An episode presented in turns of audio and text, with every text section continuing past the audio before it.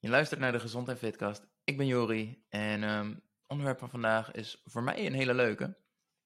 Geeft mij namelijk een goed excuus om uh, mijn hele ochtend door alle onderzoeken en literatuur te gaan met het goede nieuws. Ik ben nog steeds up-to-date, dus alles wat ik in mijn coaching verkondig, wat ik op social media verkondig, het klopt nog steeds. Maar vandaag in de aflevering alles goed bij elkaar, zodat jij uh, nou ja, onder andere duidelijk hebt het belangrijke verschil tussen slaapkwaliteit en kwantiteit, de impact van slechte slaapkwaliteit, hoe kun je eigen slaapkwaliteit scoren, ofwel hoe weet jij of jouw slaapkwaliteit niet zo heel goed is.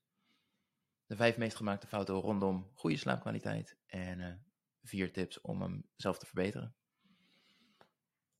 Kwantiteit, slaapkwantiteit, hoeveel uur slaap je? Breng je zes uur in bed door, of tenminste, ja, slaap je zes uur, dan slaap je zes uur, slaap je acht uur, slaap je acht uur. Maar hoe goed zijn die uren? En dat is slaapkwaliteit. En die wordt heel erg onderschat. Ik wil een situatie voor je schetsen. Misschien eigenlijk twee. En um, kan ik doen aan de hand van een voorbeeld uit mijn coaching. Slaapkwaliteit is namelijk een essentieel onderdeel in mijn coaching. Straks begrijp je ook waarom. Maar uh, ik heb dus eindeloos veel goede voorbeelden hiervan. En voor vandaag wil ik het voorbeeld van Lisa gebruiken. Toen Lisa startte met coaching was haar slaap uh, niet op. Ze viel s'avonds in slaap zodra haar hoofd haar kussen aanraakte, maar werd vervolgens wel meerdere keren in de nacht wakker. En dan had ze soms wel een uur nodig om weer in slaap te vallen. Verschrikkelijk frustrerend natuurlijk. Regelmatig moest ze s'avonds vechten tegen haar slaap, omdat alles uh, voor haar zoon en dochter van 7 en 9 uh, eh, klaar moest staan voor de ochtend, want dan is er geen tijd voor. En ze wil ook nog wel tijd voor zichzelf in de avond hebben natuurlijk. Hierdoor was ze zo moe dat ze regelmatig overdag ook op de bank in slaap viel. En ze lag één keer op de bank te slapen, terwijl ze eigenlijk haar twee kinderen van school moest halen. Daar voelde ze zich zo schuldig over dat ze voortaan extra koffie dronk in de middag om dat maar te voorkomen. Maar helaas. Nog een maand later kwam haar man terug uit zijn werk en verwachtte eten op tafel zoals altijd. Maar in plaats daarvan vond hij Lisa slapend op de bank. En dat was ook het eerste moment dat hij eigenlijk pas wist dat ze hier zo mee worstelde. Want hij slaapt als een blok en heeft helemaal niets door van haar onrustige nachten. Nou ja, toen werd dan ook uiteindelijk het gesprek gevoerd hierover. Eindelijk werd duidelijk hoeveel last ze ervan had. En uh, kwam ze uiteindelijk bij mij terecht. Toen wij elkaar voor het eerst spraken, stelde ik haar een aantal vragen om haar slaapkwaliteit te scoren. En uh, die kun je ook voor jezelf gebruiken. Dat zijn namelijk de volgende. Allereerst, heel simpel. Hoe tevreden ben je over je slaap? Hoe lang heb je s'avonds nodig om in slaap te vallen? Hoe vaak word je s'nachts wakker? Hoeveel moeite kost het je om weer in slaap te vallen als je inderdaad s'nachts wakker wordt? Hoe is je stemming en energie in de ochtend? Heb je genoeg energie door heel de dag heen? Hoe goed kun je je concentreren? Zie je er s'avonds tegenop om naar bed te gaan? En welke score zou je je slaapkwaliteit geven op een schaal van 1 tot 10? De meest gemaakte fouten die zorgen voor slaapkwaliteit, slechte slaapkwaliteit, zijn hele gemene. Het zijn namelijk vooral dingen die we doen om meer energie te krijgen en beter om te gaan met onze slechte slaapkwaliteit. En een aantal van deze voorbeelden ga je dus ook herkennen uit Lisa's verhaal. Nummer 1 is namelijk cafeïne. Koffie, maar ook je energiedrankjes. Um, cola zit ook gewoon een goede hoeveelheid in. Cafeïne heeft ongeveer uit mijn hoofd 8 à, nee, 6 tot 8 uur nodig om um, voor de helft afgebroken te worden. Als we het hebben over, over stoffen die we in ons lichaam stoppen, dan hebben we het over de half-life. En de half-life is hoeveel uur is er nodig om deze stof voor 50% af te breken. Dus als ik om 12 uur s middags koffie drink, dan weet ik dat ik ongeveer 6 uur later nog 50% van die cafeïne in mijn bloed heb. En 6 uur later zit er dan 50% van 50%, nog 25% in mijn bloed. Um, dus als ik 6 uur s avonds nog een kop koffie drink en uh, om 12 uur of eerder in bed lig, dan is het grootste deel daarvan gewoon nog in mijn lichaam aanwezig. En uh, dat merk je. Dus Lisa die dacht, mijn slaapkwaliteit is zo slecht, laat ik een bakje koffie extra drinken rond een uur of vier, want dan heb ik hem het hardst nodig. Betekent dat als zij om uit mijn hoofd 11 uur naar bed ging, Ze ging om 11 uur naar bed. Ehm, is een groot deel daarvan nog aanwezig. En nou is die van 4 uur niet haar eerste kop koffie. Ze dronk ook gewoon koffie toen ze wakker werd. En rond 12 uur ook één. Dus het was de derde van de dag. Ja, dat ga je merken. Dus cafeïne, met name later op de dag, is er een die ik heel veel tegenkom. Met name bij de mensen die al weinig energie hebben en slecht slapen. Ja, en daar hou je het probleem mee in stand. Nummer twee, dutjes doen. Het kan prima werken, maar niet op de manier zoals zij het inzetten. Namelijk, als ik heel veel energie tekort kom, dan doe ik gewoon een dutje op de bank. En soms niet eens expres en gebeurde het gewoon. Maar dat moet juist een signaal zijn van een probleem en het mag absoluut geen oplossing zijn. Wanneer het absoluut niet mogelijk is om s'nachts genoeg te slapen, kan het een oplossing zijn om structureel overdag bij te slapen. Daarvoor ben ik dus de literatuur ingedoken om uh, hier met zekerheid te kunnen zeggen, daar is niks mis mee. Als jij standaard, en daar komen we straks op terug, standaard op een vast tijdstip misschien een uur overdag bijslaapt. Daar is niks mis mee. Maar als jij af en toe op dagen dat je heel erg moe bent overdag gaat bijslapen, is dat verschrikkelijk voor je slaapsavonds. Heel je circadiaanse ritme, je dagritme, je ritme door de dag heen, ofwel je lijf die snapt, ochtends word ik wakker en s'avonds ga ik slapen, gaat daar helemaal van in de war. En dat is juist degene die, um, nou ja, waar aan gewerkt moet worden, zodat jij betere slaapkwaliteit krijgt. Nummer drie sluit daar aardig op aan. Bijslapen in het weekend. En door de week is er nergens tijd voor, ben je druk, gestrest. Dus in het weekend even uitslapen of in zeldzame gevallen eerder naar bed gaan, maar vaak is het juist later naar bed gaan en nog veel later uit bed gaan. Lijkt een goed idee. Zo van, door de week slaap ik te weinig, maar dat haal ik in het weekend in. Ja, in de praktijk werkt dat niet zo. De kwaliteit die je bijslaapt is vaak minder en um, het houdt het probleem door de week juist in stand. Dus je slaap door de week zal nooit goed worden als jij in het weekend um, langer bijslaapt. Maar daar komen we ook straks op terug. Nummer 4 is alcohol. Die mag niet heel verrassend zijn. Mensen denken wel eens, alcohol helpt je om beter te slapen. Nee. Alcohol kan je helpen om in slaap te vallen, maar de kwaliteit van die slaap is waardeloos. Dus als je alcohol drinkt, die, eh, die, die keuze mag je maken, dat recht heb je. Weet dat het ten koste van je slaapkwaliteit gaat. Dus weet dat de dag erna niet fantastisch gaat zijn. En dat is oké, daar moet je gewoon rekening mee houden. Maar denk dus niet dat als ik zaterdag tot uh, s'avonds laat en uh, nog vier glazen alcohol drink, dat ik goed ga slapen, s ochtends uitgerust wakker word en een super productieve dag ga hebben. Werkt zo niet. Nummer 5. Deze is niet voor iedereen van toepassing, maar um, voor degene wie dat wel is, is die ook gelijk de allerbelangrijkste. En dat is proberen te slapen. Klinkt heel raar, I know. Maar dit heeft te maken met associaties. De associatie die jij wil hebben is: mijn bed staat gelijk aan slapen.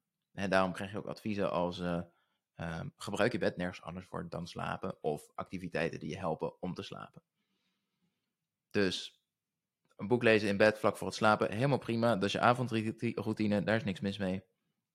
Maar overdag drie uur op bed liggen om een beetje tv te kijken, dat is niet handig. Televisie heeft wat dat betreft niet zoveel te zoeken in de slaapkamer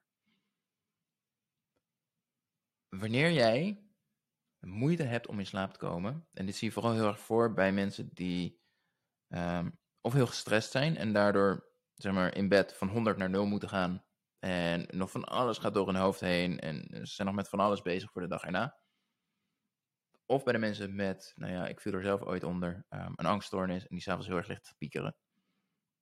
In beide gevallen wat je hiermee doet, is je maakt de associatie met jouw bed en dat piekeren, of je associatie met je bed en het plannen van de dag, het evalueren van de dag van vandaag, het plannen van morgen.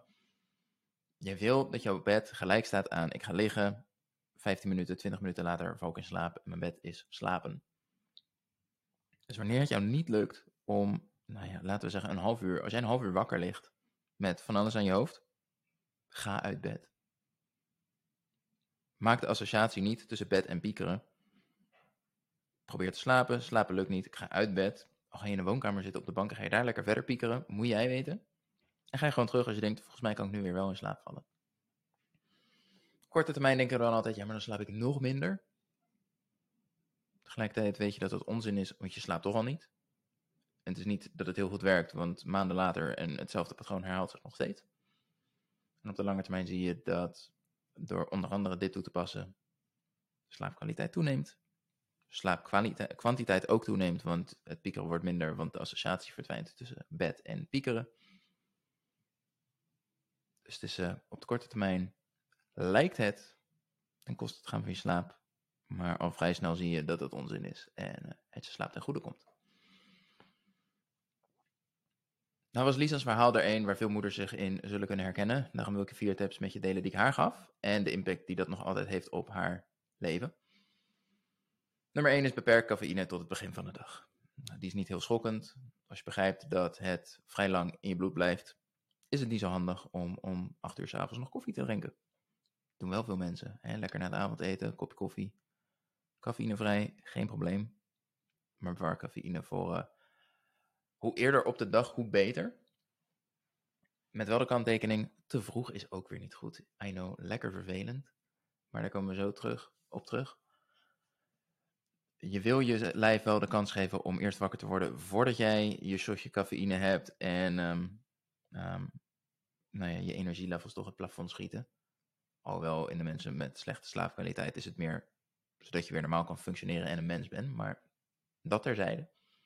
Uh, hormonaal gezien, cortisol schiet omhoog wanneer jij uh, die koffie drinkt. En dat is niet handig. Dat is niet handig voor je lijf. Jouw slaapkwaliteit begint namelijk niet alleen in de avond, het begint al in de ochtend. En daar kom ik zo op terug. Dus koffie, hoe eerder op de dag je het kan um, stoppen, des te beter. Ik zou eigenlijk haast alle gevallen twee uur een beetje als lijn houden van na twee uur geen koffie meer. En uh, dan zit je in de meeste gevallen wel goed. Nummer twee, vaste slaaptijden en geen dutjes. Bijslapen in het weekend, bijslapen overdag omdat je energietekort komt. Het houdt het probleem in stand. Wat jij nodig hebt is een vaste structuur. Dit is wanneer ik ga slapen, dit is wanneer ik opsta. Jouw lijf moet daaraan kunnen wennen. Die moet dat patroon kunnen um, herkennen, zodat jij hormonaal gezien daar ook op kan reageren. En melatonine is een slaaphormoon, wat ervoor zorgt dat jij moe wordt. Als jij overdag dutjes doet, soms wel, soms niet, ja, wanneer moet dat aangemaakt worden? Dus als jij zegt, ik ga altijd om tien uur naar bed en ik sta altijd om zes uur op, snap jouw lijf, iets voor tien uur maken we melatonine aan en iets voor zes uur maken we cortisol aan, zodat je wakker wordt. Je hebt die structuur nodig, Anders klopt die hormoonregulatie ook niet. En klopt er dus ook niks van je slaap. Ja, en dan krijg je inderdaad, ik val niet in slaap. Of ik word heel vroeg wakker. Of ik word juist heel laat wakker. Er zit geen regelmaat in. Werkt niet. Nummer drie, een vaste avond- en ochtendroutine. Als we naar slaap kijken, dan kijken we vaak alleen maar naar de avond. En dan krijg je tips als um, uh, doe iets ontspannends in de avond hartstikke goed. Moet je ook zeker doen. Maar het is niet het hele plaatje. Jouw slaapkwaliteit begint namelijk al in de ochtend. En dan kom je weer bij het circadiaanse ritme. Jouw lijf moet goed wakker worden, zodat het pak een beetje 16 uur later ook weer goed in slaap kan vallen. Die regelmaat van ochtend wakker worden, avond slapen, die moet erin zitten, die moet kloppen. Dus als jij je ochtend begint, ik, ik schets de laatste voorbeeld in een coachgesprek, als ik de slechtste ochtendroutine zou willen schetsen, laat je wekker afgaan en ram lekker op die snoeskop een paar keer. Pak je telefoon erbij en zorg dat je man je een kopje koffie komt brengen. Dus gewoon voor wakker, boom, koffie erin, social media op mijn ogen, social media in je gezicht en um, cortisol schiet door het plafond heen, klaar wakker, helemaal gestrest. En um, ja, top als je echt je slaap wil verzieken, dan zou ik het ongeveer zo doen. Het nare is dat dat niet heel veel anders is dan hoe sommige mensen hun dag beginnen. Koffie wordt helaas niet naar bed gebracht, maar wel, ik word wakker, even op mijn telefoon scrollen, dan mijn bed uit. En uh, uh, eerst koffie erin, want daarna dan word ik een beetje wakker. Ja, inderdaad, als dat je ochtendroutine is, dan heb je die heel hard nodig om wakker te worden, maar dat houdt wel het probleem in stand. Ideaal zou je ochtendroutine um, zonlicht bevatten. Succes in de Nederlandse winter, daarom heb je ook de bekende winterdip. En is slaap vaak iets lastiger in de winter. Of je wordt heel vroeg moe, omdat het al zo vroeg donker wordt. Um, maar wordt daardoor dus ook vroeg wakker, um, want er komt, geen, er komt geen zonlicht die jou zegt, hey, nu is het moment om wakker te worden. Het is een van de dingen die ik dus heel fijn vind nu ik in de Filipijnen woon. Ik heb gewoon het hele jaar door er zit een half uur verschil tussen onze zomer en winter. We hebben helemaal geen seizoenen. Maar er zit een half uur in onze ehm, zonsondergang. Eh, de tijden van onze zonsondergang en zonsopkomst. Ik geloof half zes en, en zes uur. En, en daar houdt het op. Dus daar zit heel veel regelmaat in. En dat is fantastisch voor je slaapkwaliteit. Dan heb je in Nederland die luxe niet. Wat je kan doen is daar bepaalde... Er zijn lampen voor. En ehm, zelfs heb je die niet. Ga gewoon je bed uit stimuleer tot zoverre een normale ochtend. Dus ga je bed uit, doe je ding. Ehm, zorg wel voor licht, zorg voor geluid. Hè? Een, een normale ochtend in plaats van ik blijf in mijn bed liggen in het donker, lekker stil. Als het goed is, is je slaapkamer stil. En, um, en door je telefoon scrollen of gelijk met koffie starten. Maar ook die avondroutine is zeker belangrijk. Zeker wanneer je merkt, zodra ik naar bed ga, dan zit ik nog een uur door mijn hoofd te malen met alles van de hele dag. Dat zie je vaak bij mensen die heel de dag door aan één stuk doorgaan. En dan s'avonds is het moment, nu zit ik even stil, of lig ik stil, want ik lig in bed. En nou kan alles door mijn hoofd gaan. Ja, dat is niet handig. En dat moet je niet willen. Dus, en dan zie je dus ook al, het gaat niet alleen over de avondroutine, want dat is een probleem wat je eigenlijk overdag al zou moeten aanpakken met rustmomenten door de dag heen. Maar dan wordt het wel heel groot, deze podcast. Dus um, neem daar tijd voor in je avond. Om te zeggen, ik moet niet van 100 naar 0 zodra ik in bed lig. Ik moet dat geleidelijk door de avond heen afbouwen. Dus dat kan zijn, s'avonds even die warme douche. Misschien vind je iets van meditatie fijn. Ik kan er niet voor stilzitten. Nog niet. Blijf oefenen. Um, maar om jezelf gewoon de kans te geven om te ontspannen voordat je naar bed gaat. En daar lekker een vaste routine in geeft. Zodat je lijf snapt, hé, hey, zodra ik die warme douche neem, een uur later liggen we op bed. Dus dit is een mooi moment om melatonine te gaan aanmaken. Nummer 4 sluit daar mooi op aan. Werken, eten en drinken in de avond. En dat gaat niet over alles wat je eet na 8 uur s avonds maakt je dik en wordt opgeslagen als vet. Absoluut niet. Het is meer, één, als je s'avonds laat nog drinkt en vervolgens s'nachts uit bed moet om te plassen, dat is niet handig, want het gaat ten koste van je slaap. En twee, hetzelfde geldt voor eten eigenlijk, dat um, jij niet wil dat jouw lijf nog bezig is met het verteren van eten, omdat jij twee uur voordat je naar bed ging nog besloot om uh, een flinke maaltijd te eten. Dus iets kleins in de avond, hè, omdat je merkt, ik heb trek, daar is niet zoveel mis mee. Maar grotere maaltijden, een uurtje voor het slapen. Dat is niet handig, want dat betekent dat in plaats van jouw lijf um, nou ja, bezig is met je remslaap, met je diepe slaap en al het herstel wat daarbij komt kijken, dat je lijf nog eten aan het verteren is en dus weer ten koste van je slaapkwaliteit gaat. Nou ja, Lisa ging daarmee aan de slag. De middagdutjes werden een, uh, een verder verleden tijd. Haar energie nam toe, haar gewicht nam af ik doe haar verhaal hiermee tekort. I know, maar het wordt al zo lang. En um, ik denk dat Lisa's verhaal helemaal niet interessant voor jou is. Ik denk dat je veel liever wil dat haar ervaring ook jouw ervaring wordt. Dus als je nou zelf moeite hebt met je slaap en je wil met deze tips aan de slag gaan. Ik heb een module geschreven voor in mijn coaching om voor jou de beste avondroutine te maken. Die geef ik de komende twee weken weg. Dus tot en met 20 januari is dat. Het enige wat je hoeft te doen is een recensie achterlaten op de podcast en me even een berichtje sturen op Instagram. Dat is jori-fitcoach. J-O-E-R-I-fitcoach. En vertel me waarom je hiermee aan de slag wil gaan. Dan um, zie ik je de volgende aflevering, aflevering weer. Oh jee.